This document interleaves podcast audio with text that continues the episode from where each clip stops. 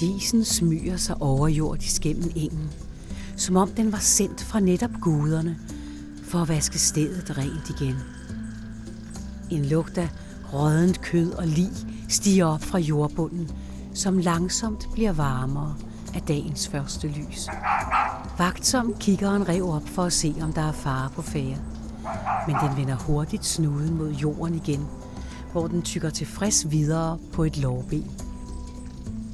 Det solmættede græs er vokset op mellem kranier og knogler, som en ubarmhjertig gestus, der viser, at livet går videre.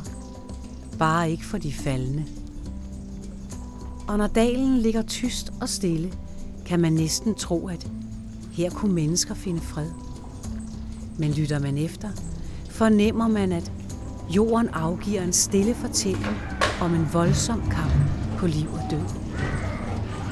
Et svagt ekko af lanser, der gennemborede modstanderne.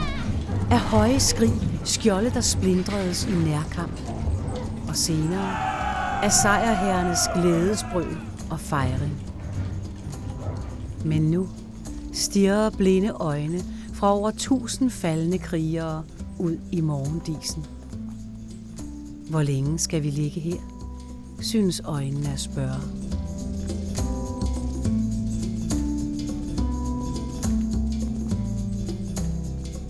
Og det, man egentlig står på, det er øh, den her, øh, det her engjord, øh, mosejord.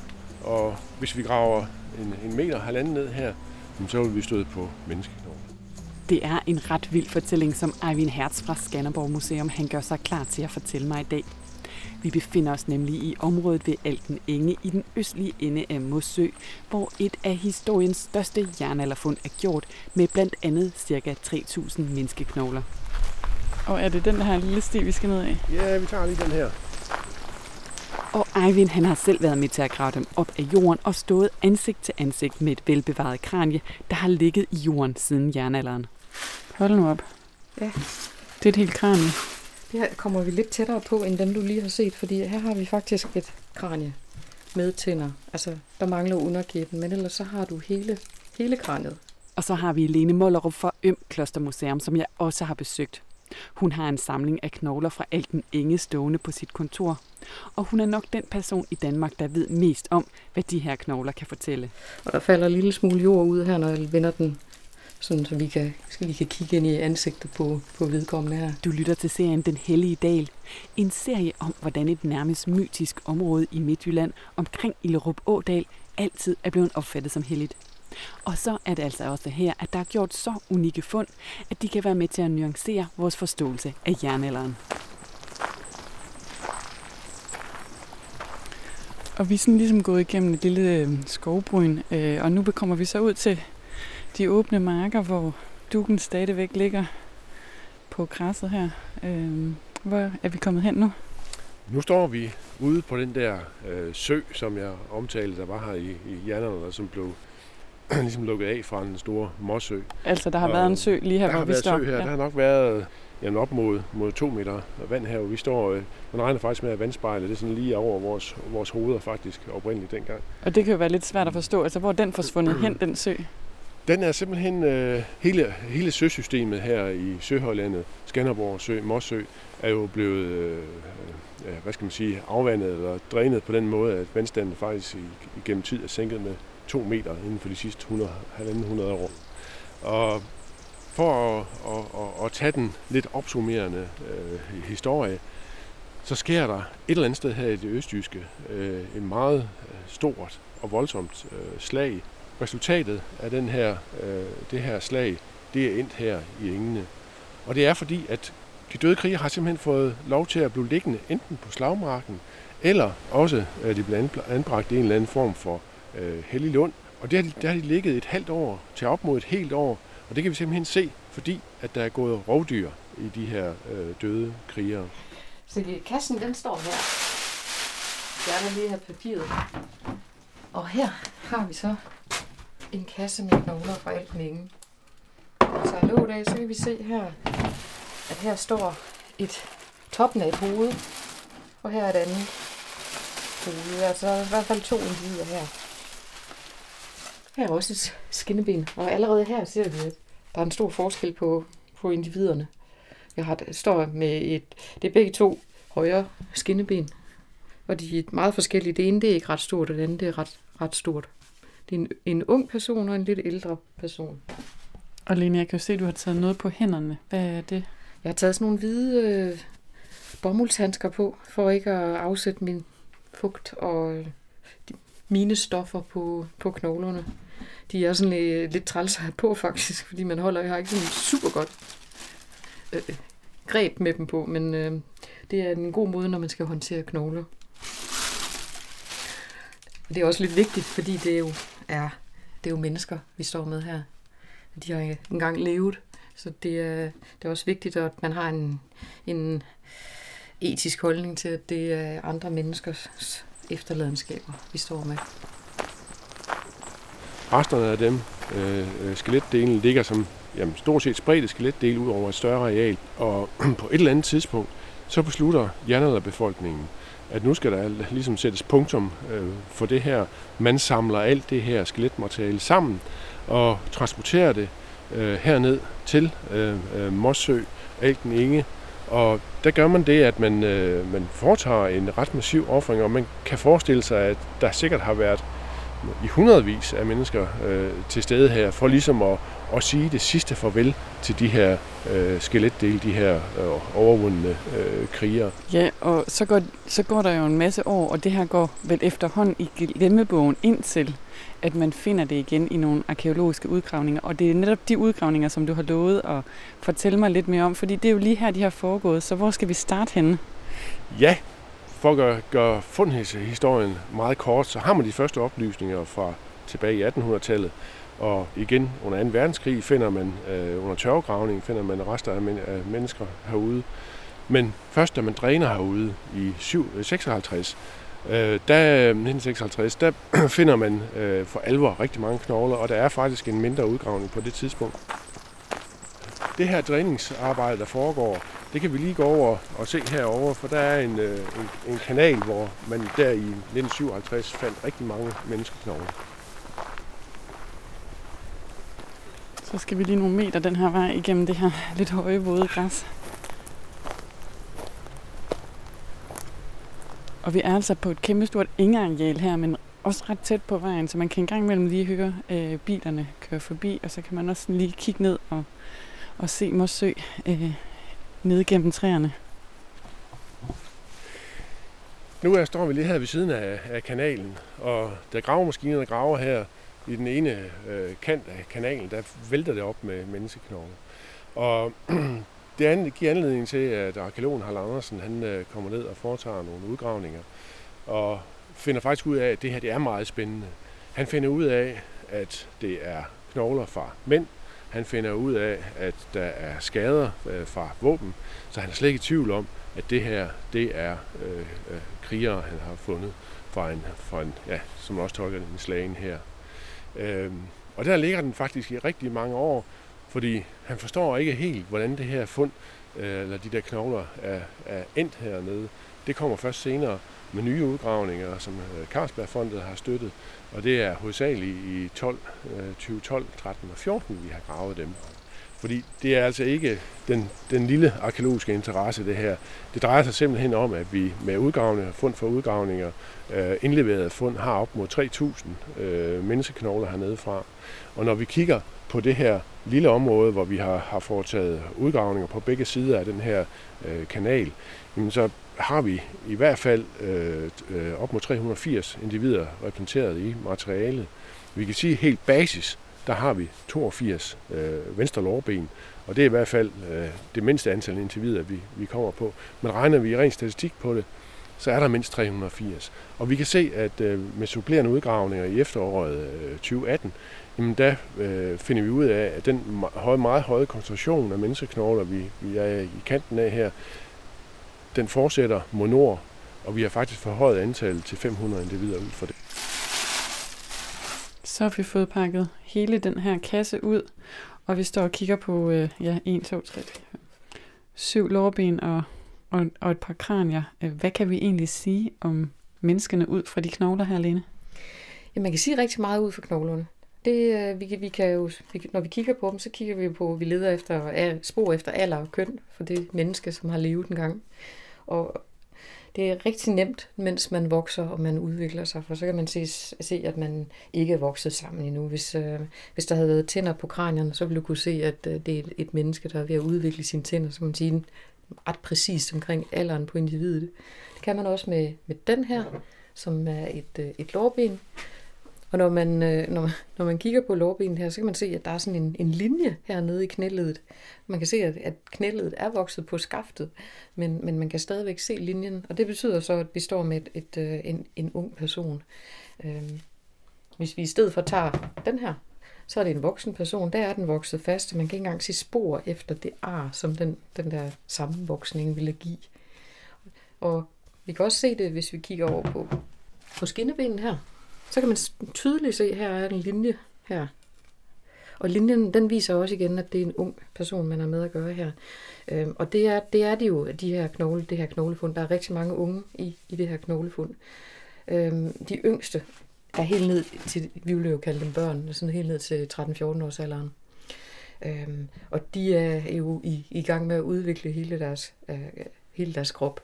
Så det er ret tydeligt at se, hvor gamle de er. Når så knoglerne er færdigudviklet, så bliver det sådan, sådan ikke så nemt at se mere. Men, men så kigger man på andre øh, steder på, på knoglerne, og man kan blandt andet se øh, slidspor, man kan se, øh, man kan se noget om, øh, også hvor om der begynder at vokse nogle øh, ledforandringer ud på, på sådan nogle øh, led her. Så nu står jeg her med et lårben. Og det, det gør, at man kan, man kan komme lidt nærmere på, at vi står med en voksen, en, en yngre voksen. Ja. Og for lige at dvæle lidt ved det her, det allerførste fund, ikke? Altså, da man er ved at dræne det og, og, op, og opdager det her, øh, ved man noget om, altså, hvad der skete den dag? Jeg tænker, at det må have været altså, et chok uden lige. Ja, øh, de lokale hernede ved, vidste faktisk godt, at der blev, man kunne finde menneskeknogler hernede. Jeg tror at måske den maskinfører, der havde gravet med maskinen hernede, han nok havde kigget lidt ekstra. Altså man kan sige, at under 2. verdenskrig, det gravede tørv, altså øh, efterkommer af dem her, som var børn dengang, der var med hernede, fortæller, at på kanten af tørvegravene, der lå der simpelthen øh, menneskeknogler over det hele. Vi finder også dyreknogler hernede, og dem var der også nogen af. Men det er faktisk det, der, det billede, der står øh, inde i, i hovedet på de her nu voksne mennesker, for dengang de var børn, alle de her menneskeknogler, der er blevet fundet hernede i Alkningen. Så den ligger i den lokale bevidsthed, en ting er, at man finder alle de her knogler hernede. Noget andet er, hvordan er den videre proces? Hvordan tolker man på fundene? Altså, vi har jo... Øh, der har været en lille smule tvivl om, hvordan de her knogler egentlig er endt hernede øh, i, i, på det bunden af den her sø. Øh, nogle har haft en opfattelse, at, øh, at det bare er smidt ud, hele kriger, der er smidt ud i søen og gået forrømmelse og døde rundt med vind og fanget i siv og, og, og, og sunket til bunds. Og det var egentlig den opfattelse, Harald Andersen havde i sin tid, da han gravede.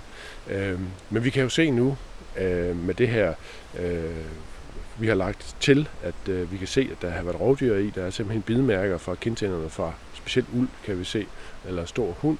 Øh, og så øh, kan vi se nu, øh, at der må have været en øh, hvad skal man sige, efterhåndtering af de her døde kriger, da de faktisk er blevet til knogler. Fordi i sæsonen 12, da vi gravede hernede, der kunne vi simpelthen øh, øh, finde øh, først enden af en pind, så kom der et bækkenparti, eller et stykke bækken og et til, og vi endte med fire. Og de var simpelthen sat på den her øh, træpind, skiftevis højre og venstre fra fire forskellige individer. Det siger simpelthen, at det her det er en efterhåndtering af knoglerne for de her øh, døde krigere. Det er ikke bare krigere, der er smidt ud i søen og endt øh, rundt omkring hernede tilfældigt. Det er bevidst smidt ud herude og lavet som en offring. Og den her pind med bækkenerne på kan have været, øh, have været sat ned i søbunden som markering af, af offerstedet. Øh, det kan også bare være, være, være smidt ud i søen øh, på den måde. Og så er det, at alt det her materiale, vi nu har, det blev leveret videre til den øh, biologiske antropolog, som er, er også tilknyttet Museum Skanderborg, Line Mollerup. Og hun har gennemgået det her, og det er absolut en hjertesag for hende.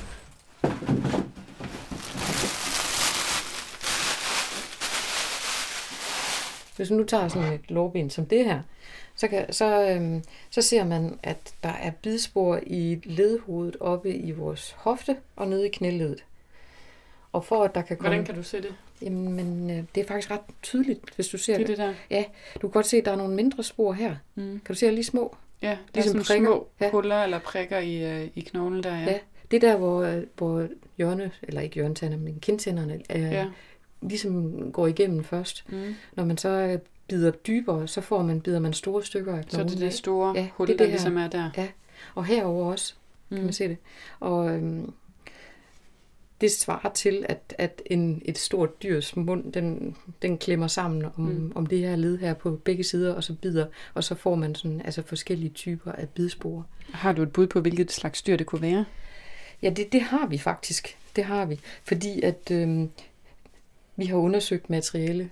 Vi har fået en hel masse øh, knogler ude fra Skandinavisk Dyrepark, hvor øh, der er knogler inden fra ulveanlægget, og øhm, for sådan at kunne sammenligne med de her bidspor.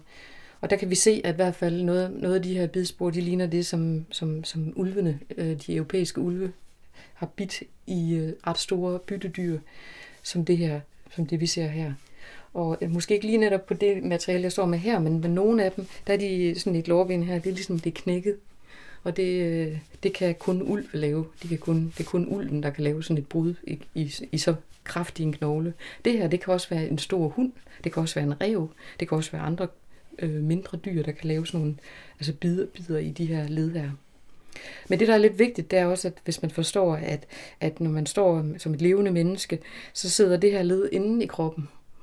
Så for at, dyrene kan komme til det her led her, så er det jo trukket ud af dit, af dit hofteled. Den her ben her er trukket fri af hoften. Og det betyder jo så også, at, øh, at ja, altså, de har øh, været tilgængelige for dyrene i et stykke tid. Fordi man starter jo selvfølgelig med at spise de bløde væv, inden man går i gang med knoglerne. Og knoglerne, den farve, de har, altså sådan, de er jo nærmest mørkebrune. Det er de. Det er de, fordi de har lagt i øh, mosen. Så de har taget farve efter den garvesyre, som er i mosen. Så de er meget mørkebrune. Lidt forskelligt. Altså nogle, øh, nogle er over i det lysere brune, og nogle er den meget mørke.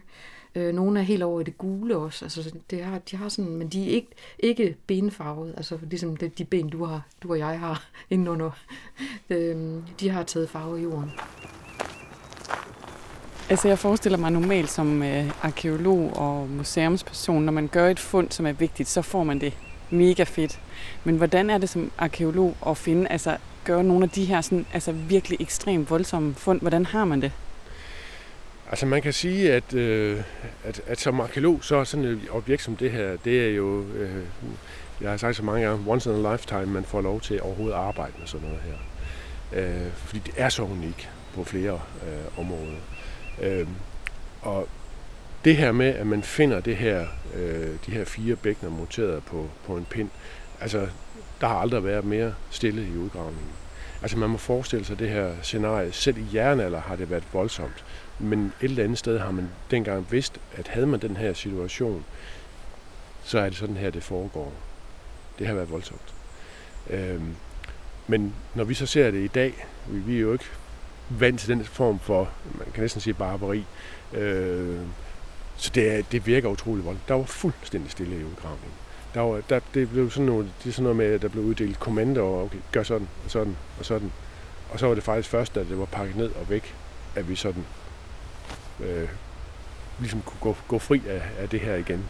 Det var simpelthen på en måde så dramatisk øh, at finde det her. Også fordi, at det jo var det endelige bevis på det, det vi sådan havde haft opfattelsen af lidt på forhånd, at det nok var sådan, det var foregået. Ja, fordi jeg kan mærke, at jeg altså, nærmest står her og bliver sådan ret rørt af det. Altså sådan, det er varmt, men jeg får nærmest kuldegysning, så det må alligevel også have været en ret følelsesmæssig oplevelse for jer at gøre det her fund og tænke de her tanker om, hvad der var sket. Mm. Jamen det er det, fordi øh, jeg var i, det var gravet i, i 2012 øh, og kom ned til den, det niveau der, der ligger sådan, det er en meter og 80, to meter under, hvor det er bedst bevaret. Øh, og der finder jeg så det første øh, kranie, vi, hele kranie, vi, vi, vi finder. Det, det er jo stort set et frisk øh, kranie forstået på den måde. Der er selvfølgelig ikke noget hjernemasse eller noget øh, tilbage på den måde, men fine hvide tænder og sådan. Og så kigger man ind i de der øjenhuler og tænker, kunne vedkommende bare fortælle et eller andet. Øh, et menneske, der har haft et, et, et liv, øh, ligesom som, som vi har. Øh, måske ikke så langt, men øh, det, har, det har have været utrolig spændende. Man føler, man kommer lidt tæt på.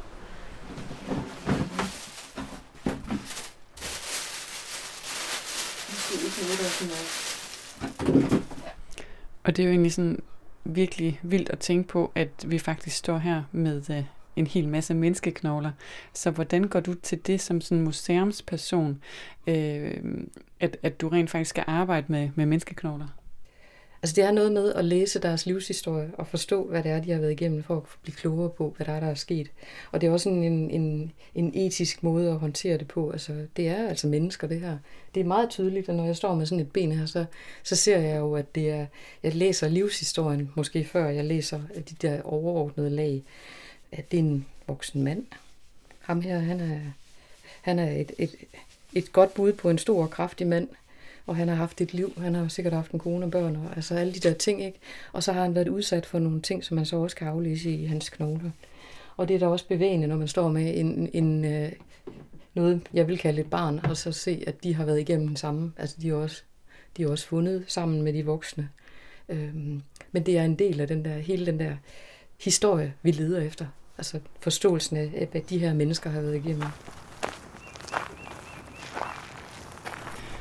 Nu har vi sådan talt lidt om selve udgravningen, men det vil også være rigtig uh, interessant at snakke om, hvad kan man så udlede af det her omkring, hvordan folk i jernalderen egentlig har levet deres liv. Men det kan være, at uh, for at tage hul på den, at vi lige skal prøve at gå lidt den her vej, og så få ja. det sådan store perspektiv på, på hele området. Fordi jeg tror, hvis vi går herop, så kan vi faktisk få et rigtig fint overblik uh, over hele engearealet. Så kan man simpelthen se hele området, ja. Nu går jeg lige herover. Jeg kan mærke, at jeg får lidt våde tæer dernede i det, det helt høje græs. Men de her fund, hvad kan de sådan sige om det generelle liv? Øh, det første, det er simpelthen, at det er nok det største fund af så velbevarede menneskeknogler i faktisk i Nordeuropa. Øh, af samtidig menneskeknogler fra den her periode. Og biologiske antropologer, det er simpelthen en guldgruppe for dem at kigge på. Fordi selvom det jo ikke er hele øh, skeletter, vi finder, øh, så er det et, et puslespil, der kan, kan sættes sammen. Og man får virkelig et dybt indblik i, hvordan har de her hjernede mennesker set ud. Godt nok er det jo kun mænd, vi har hernede, så kvinderne mangler vi, men alligevel giver det jo et fantastisk godt billede. Så er det det næste, når vi har alle de her øh, menneskeknogler, så kan vi jo, og vi har det her antal af, af af individer på, nu siger vi op på i hvert fald dokumenteret øh, 500 individer, og der så ligger x antal flere herude, så er det sandsynligvis en af de øh, største, øh, både direkte og indirekte dokumenterede herrer, vi har fra øh, jernalder, og også det tidligste, vi har fra jernalder her. Og det vil sige, at, at vi faktisk kan fortælle en hel masse om organisering af de her jernalder samfund. De har faktisk været meget øh, velorganiserede, der har været øh, landsbyer her i området. Øh, vi har nogle af dem, der ligger, kun ligger en 2-3 km herfra, og vi må gå ud fra, at de ligger med sådan 2-3 km øh, indbyrdes øh, afstand her i området. Øh, og den måde, det, det nok er foregået på, det er, at der har været en eller anden, øh, skal man kalde det, høvding eller en, der bestemmer i de her landsbyer. Men der har været en overordnet struktur, hvor der er nogen, øh, der har haft mere at skulle have sagt i, over større områder, og måske direkte øh, nogen, der har været så højt oppe, at de har haft deres lille øh, hirt omkring sig. Øh, og haft en militær øh, uddannelse på en eller anden led.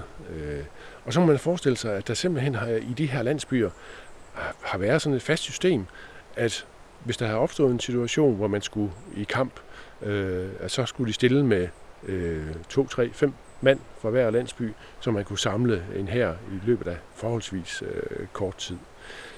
Det er den måde, man, man må forestille sig på. Og det betyder altså også, når vi har så mange kriger, så er det altså fra et stort opland, man har samlet øh, de her kriger.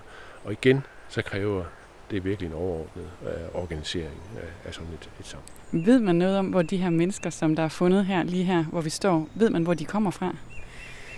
Vi har faktisk ikke nogen præcis idé om, øh, hvor de, de kommer fra. Og det er fordi, at øh, vi har faktisk anvendt det, der hedder strontium-analysen. Og den må du lige forklare, hvad den går ud på. Ja, det er noget med, at, øh, at øh, de der, det er en slags isotop, Øh, og det er simpelthen noget, du øh, optager, der er i, i, i undergrunden, i, i, er overalt i jorden og i bjerge og, og, og så videre. Og når du så drikker vand, eller øh, spiser mad, som kommer fra lokalområdet, øh, jamen så optager du det her i kroppen. Og den værdi kan man måle, og det er også tænder, man, man øh, hovedsageligt bruger til det. Øhm, og så kan du sammenligne den værdi, du får fra dine analyser, med den, det baggrund, der er, øh, landskabsbaggrund, der er. Desværre så er det måske det, at, at man er opstået meget tvivl om anvendelsen af den her metode, fordi specielt det her med at, at sammenligne med, med, med baggrundsværdierne i landskabet, men der har man fundet ud af, at mange af de der værdier, som man har henført andre steder til, at det har, øh, øh, det har vi alle mulige øh, steder, også i Danmark. Så det korte svar, det må være, at nej, vi ved faktisk ikke, hvor de kommer fra. De kunne komme lige herfra, men det kunne også være nogle øh, krigere, der var kommet rejsende til stedet. Det kan det nemlig lige præcis. Og det er også derfor, at snakken om, det er den øh, individer fra den udkommende her, der ligger her, eller det i princippet måske kan være den lokale her, der har tabt. Der er forskellige argumenter. Øh, at den står lidt stille.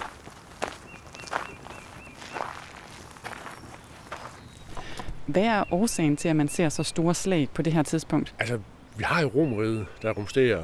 Øh, jamen, du behøver bare at køre 6-7 timer øh, sydpå over mod Osnabrück for eksempel. Jamen, så nærmer du der Rhinen, hvor, hvor romerne lige stod på den anden side der. Øh, og romerne har altså et eller andet med at erobre terræn, kan man sige. Øh, og vi ved jo, øh, at de prøver øh, videre at, at overtage mere af det der frie germanske område. Og det lykkedes dem også øh, i en vis grad at lave frivillige aftaler med, med nogle af de her øh, stammefolk. Andre øh, stammefolk, de vil simpelthen ikke finde sig i det her, men de ser, at de ikke kan stille noget op mod romerne, og derfor øh, søger de simpelthen nyt terræn, nyt territorie. Og der sker simpelthen nogle øh, forskydninger øh, på jagt på nye øh, territorier. Og selvom vi ligger her en 600-700 km der, der, derfra, hvor romerne nåede frem, jamen, så kan vi godt forestille os, at netop i den her periode, at der simpelthen er folkestammer, der rykker rundt, og der sker nogle forskydninger, og folk, der vil øh, erobre nyt territorier, og der simpelthen opstår ufred på, på den baggrund. Men har det liv, som sådan den, det helt almindelige menneske øh, i jernalderen har levet, har det været sådan præget af krig og ufred øh, i hverdagen? En af de, de ting, som vi ser, det er, at der faktisk ikke er tidligere skader, altså ophelede skader på, skader på de her knogler, vi finder. Så det, der er intet, der tyder på, at de her individer har været i kamp før. Og hvis det var soldater eller krigere, som havde været i, i, i kamp mange gange, eller flere gange før, jamen, så vil der være nogen, der overlever og har skader, og de øh, skader, de har, brækkede knogler, vil, vil ophæve. Så der, her ser vi en situation, øh, hvor vi tror simpelthen, at det er en lidt pludselig øh, opstået situation, hvor, hvor man har været nødt til at samle revl og krat øh, af, af, af mænd, fordi vi ser store, øh, kraftige, kraftigt byggede mænd, øh, og så for at sige det rent ud, nogle skravl, øh, der ikke ser ud til at have lavet dagens gode gerning, øh, som er deltagere i den her øh, her. Og, og, og det er nok øh, ligesom giver et billede af, at, at, at det er nogle, nogle krige, som opstår med års øh, mellemrum. Måske 40-50, måske endda øh, mere. Øh, og i de mellemliggende perioder, der må vi simpelthen forestille os, at der kan sagtens have været fred, som, som øh, der er i, der opstår nogle krige rundt omkring, i, ja, også i Europa, øh, med, med mellemrum. Og så er der lige pludselig et eller andet, der skal afgøres. Og her forlader vi det høje græs og flade engeareal ved Alten Inge, hvor adskillige dræbte krigere stadig ligger under jorden. Hvis du gerne vil vide mere om det her område, der i fortiden altid er blevet opfattet som helligt, så kan du gå ind på oplevgudnå.dk podcast og læse mere. Og du er selvfølgelig mere end velkommen til at give podcasten stjerner eller dele den med andre. I næste afsnit af serien Den Hellige Dal, der skal det handle om et andet og spektakulært fund i området, nemlig det ved Forlev Nymølle. Her har man fundet en høj kvindefigur med runde hofter i træ, der fortæller historien om tidens religion og fortælling om frugtbarhed. Jeg skal besøge stedet for den arkeologiske udgravning, og så skal jeg også på Moskov Museum, hvor du selv kan opleve fundet i deres udstilling. Vi høres ved i næste afsnit, når det skal handle om religion i jernalderen og fundet af Gud inden i mosen.